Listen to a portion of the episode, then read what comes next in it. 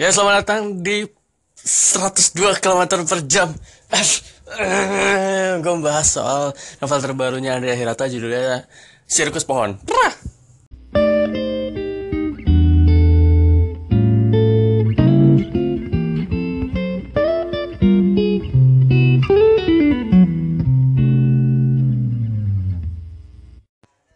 Ya, ya, ya, halo Jadi gue baru aja tadi sore sih, tadi sore hari ini akhirnya setelah sekian lama gue beresin buku terbarunya Andrea Hirata, buku ke-10 ya kalau nggak salah.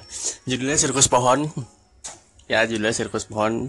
Agak unik sih menurut gue karena uh, judulnya tidak tidak kurang apa ya dalam tanda kutip menginspirasi dibanding yang lainnya kan kayak kita lihat dari judul tuh kayak oh, anjir keren banget nih Laskar Pelangi uh, sang pemimpi ayah. Kayak kebayangkan lo tulisannya Andrea Hirata tapi ngomongin soal ayah. Pasti kayak menginspirasi menginspirasi gitu. Tapi ini sirkus pohon.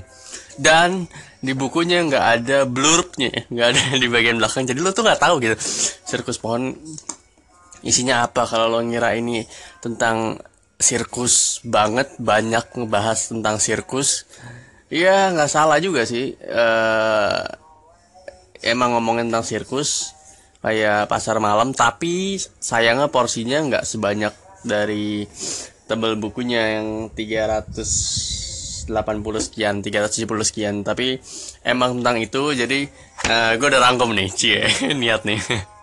Jadi sirkus pohon ini tentang apa?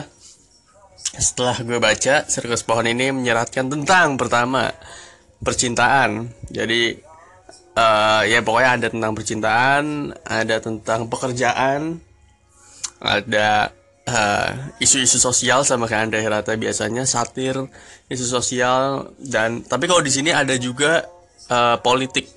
Jadi politik uh, entahlah nggak tahu gue. Mungkin karena belakangan waktu dia lagi nulis ini emang lagi rame yang politik politik pilkada pilkada gitu akhirnya dia masukin. Gue nggak tahu gue nggak tahu kenapa. Tapi ya di dalamnya ada cukup besar andil ngomongin politik. Jadi sebenarnya ini bukunya agak dewasa dibanding uh, cover dan judulnya yang Sirkus Pohon yang kesannya kayak lebih anak-anak gitu kan kayak Laser Pelangi ngomongin soal anak-anak gitu walaupun menginspirasi. Tapi kalau ini sebenarnya nggak uh, tokoh utamanya pun kalau nggak salah 20 berapa gitu. Udah kerja, nikah. Jadi ya uh, cukup-cukup dewasa. Ya itulah. Terus kita mau ngomongin apa lagi? Tapi lagu dulu ya, lagu-lagu. Cie. Ya sih kayak lagunya uh, Aditya Sofyan seniman. Oke okay, well tadi sampai mana? Uh, tadi baru sampai tentang apa ya? Tentang bukunya sirkus pohon ini tentang percintaan pekerjaan politik. Kalau gue simpulkan sih tiga itu sih. Percintaan pekerjaan politik. Uh, apa ya?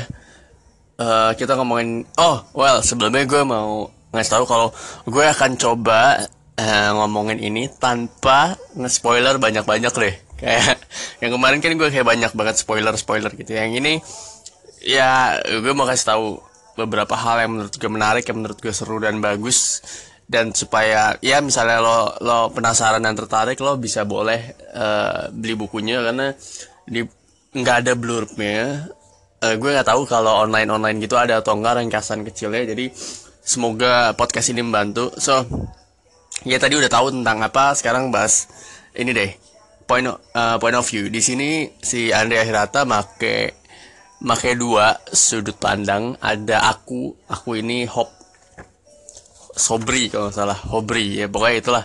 Ada aku tapi dia ada juga uh, sudut pandang orang ketiga. Jadi kayak uh, yang ngomongin orang-orang lain karena dia kan emang tipikalnya khas banget kayak gitu ya. Kayak menceritakan di tempat itu tentang apa kayak kayak lebih ke situasional uh, dibanding perjalanan karakternya itu. Tapi kayak ya dia kayak ngasih tahu tiap-tiap karakter tuh apa siapa orangnya detail banget kan gitu. Ya di sini juga sama kayak gitu. Itu sih yang gue tangkap kalau soal karakter karakternya keren keren sih dia kayak jadi lo bisa ngebayangin tempat itu tuh kayak apa pasarnya kayak apa ininya kayak apa si orang ini lingkungannya kayak apa si orang ini keluarganya kayak apa gitu. Semuanya satu dunia kayak dia bahas dengan detail gitu. Tapi yang menurut gue agak agak kurang adalah ya itu uh, kalau misalnya lo terbiasa ingin membaca Hirata dan ingin menemukan uh, secuil dua cuil pencerahan gitu kayak habis baca ah uh, kayak lo biasanya akan menjadi orang yang baru. Nah kalau di sini agak kurang. Tapi di sini jauh jauh jauh lebih lucu menurut gue. Ini buku terlucunya Andrea Hirata sih. Uh, ada beberapa part yang bikin gue kayak ketawa banget. Uh, salah satunya yang paling banyak sih di bagian lagi pemilihan ada lomba lomba-lomba yang ditawarin sama salah satu calon kepala desa. Itu lucu banget sih itu lucu banget. Uh, banyak ya banyak diksi-diksi yang lucu.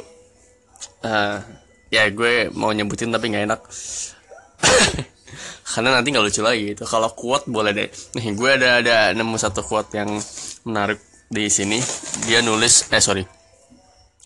Dia nulis tentang uh, eh dia nulis tentang dia nulis quote-nya adalah uh, lucu hidup ini kadang uh, dunia nyata bahkan eh fiksi bahkan bisa lebih nyata dibanding dunia nyata. Sekarang ini fiksi bisa lebih nyata daripada dunia nyata. Goks kayaknya sih emang. Dia nulis ini gue nggak tahu kapan. Bisa jadi ini dia nulis pas lagi pemilihan presiden kemarin atau karena ada ngomongin presiden juga tapi ya bukan Jokowi bukan itu ya. Ya ada ada ngomongin tentang banyak banget sih unsur politiknya di sini. Mungkin dia nulis ini pas lagi banyak politik Indonesia dan terus lagi banyak kalut-kalut ada sosmed segala macem itu dia bahas kayak dalam tanda kutip trik-trik untuk uh, menggait masyarakat. Kenapa masyarakat bisa begitu gampang disetir? Kenapa eh, kenapa gue ngomongnya jadi begini? Bagaimana cara mengambil simpati rakyat yang gitu-gitu. Dia ada banget sih di sini dan uh, itu lucu. Ya itu yang tadi gue bilang justru malah unsur sirkusnya dalam tanda kutip itu dikit. Tapi uh, ada alasan kenapa dikit gitu. Ada alasan kenapa dikit dan ya begitulah. So uh, kita ini udah mau 5 menit jadi kita lanjut di segmen kedua ya. Eh segmen kedua segmen ketiga ya. Oke okay, bye. Oh santai dong di. Ya yeah. Ternyata gue ada yang kelupaan gila sih ini kayak gue lama nggak bikin anchor terus jadinya acak-acakan sorry sorry sorry sorry. Ada satu sisi yang kelupaan di sini yaitu animisme. Animisme Indonesia kan kayak kental banget kita percaya sama hal-hal yang apalah kayak jenglot atau lo masih percaya percaya yang mistis-mistis gitu. Di sini juga dibahas di sini juga dibahas bahwa ya itu kayak menyeratkan ya orang kita tuh masih percaya sama hal-hal kayak gitu gitu ya jadi gue ulang ya gue ulang. Di sini ada percintaan pekerjaan politik dan uh, apa ya namanya? Mistis kah? Mistis? Animisme? Ya pokoknya uh, sekitar itulah. Uh, dan kalau lo ngiranya sirkus pohon ini adalah bercerita tentang uh, anggota sirkus yang misalnya berjalan dari kota ke kota berpetualang terus dia menemukan uh, berbagai obstacle gitu-gitu. Uh, misalnya sirkusnya kenapa? No uh, ini bukan bercerita tentang itu jadi lebih baik kalau lo mikirnya kayak gitu uh, mindset lo sebelum beli ini karena nggak ada blurbnya uh, mending jangan beli atau ya mending diganti mindset lo gitu. Kayak ya udah lo terima aja apa yang ada di dalam buku ini gitu. Karena takutnya lo kecewa bah bahwa ceritanya lo kok ceritanya malah kayak uh, gue mikirnya kayak petualangan dari kota-kota tentang uh, geng sirkus ini tapi ternyata dia cuma di satu tempat doang gitu gitu doang gitu karena ya emang emang Andrea Hirata kan kayak gitu gitu. Uh, menurut gue ya gue nggak tahu ya kerennya dia kan emang dia membawa situasi kayak kita dibawa ke tempat dia ke dunia dia gitu. Kalau ini dia dunianya masih sama yang PN Timah dan Melayu-Melayu itu. Jadi kita akan dibawa ke sana masuk ke dalam kota itu ngelihat sekeliling kota itu orang-orang ada siapa kepala desanya siapa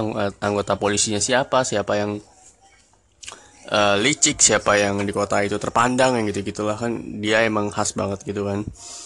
Uh, oh ya oh ya tadi eh, gue lupa. Jadi yang yang ini gue simpulin di akhir aja ya. Jadi uh, yang yang apa ya? Yang menyimpulkan ya yang memberikan benang merah di sini hmm, ya tentu si sirkusnya pertama yang kedua cintanya. Cintanya adalah tentang gue aku tokoh aku sama ada tokoh cewek namanya Dinda uh, terus ada juga tapi di situ uh, ya ada ada beberapa hal yang bikin cinta aku dan Dinda tuh kayak terhalang dan ribet gitu.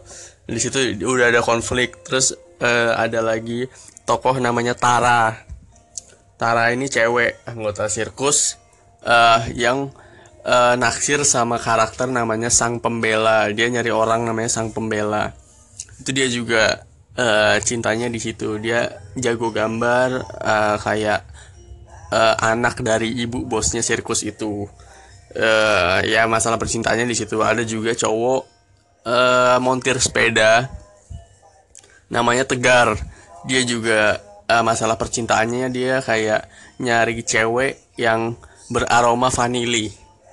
Ya jadi kayak ya ketiga itu sama-sama punya problem cintanya masing-masing terus uh, dan ketiganya anggota sirkus tapi uh, aku sebenarnya kayak ya ada ada dua ini sih ada jadi ada dua cerita karena hmm, nanti aku dan Dinda kayak ada gengnya sendiri uh, kepala desa dan lain sebagainya.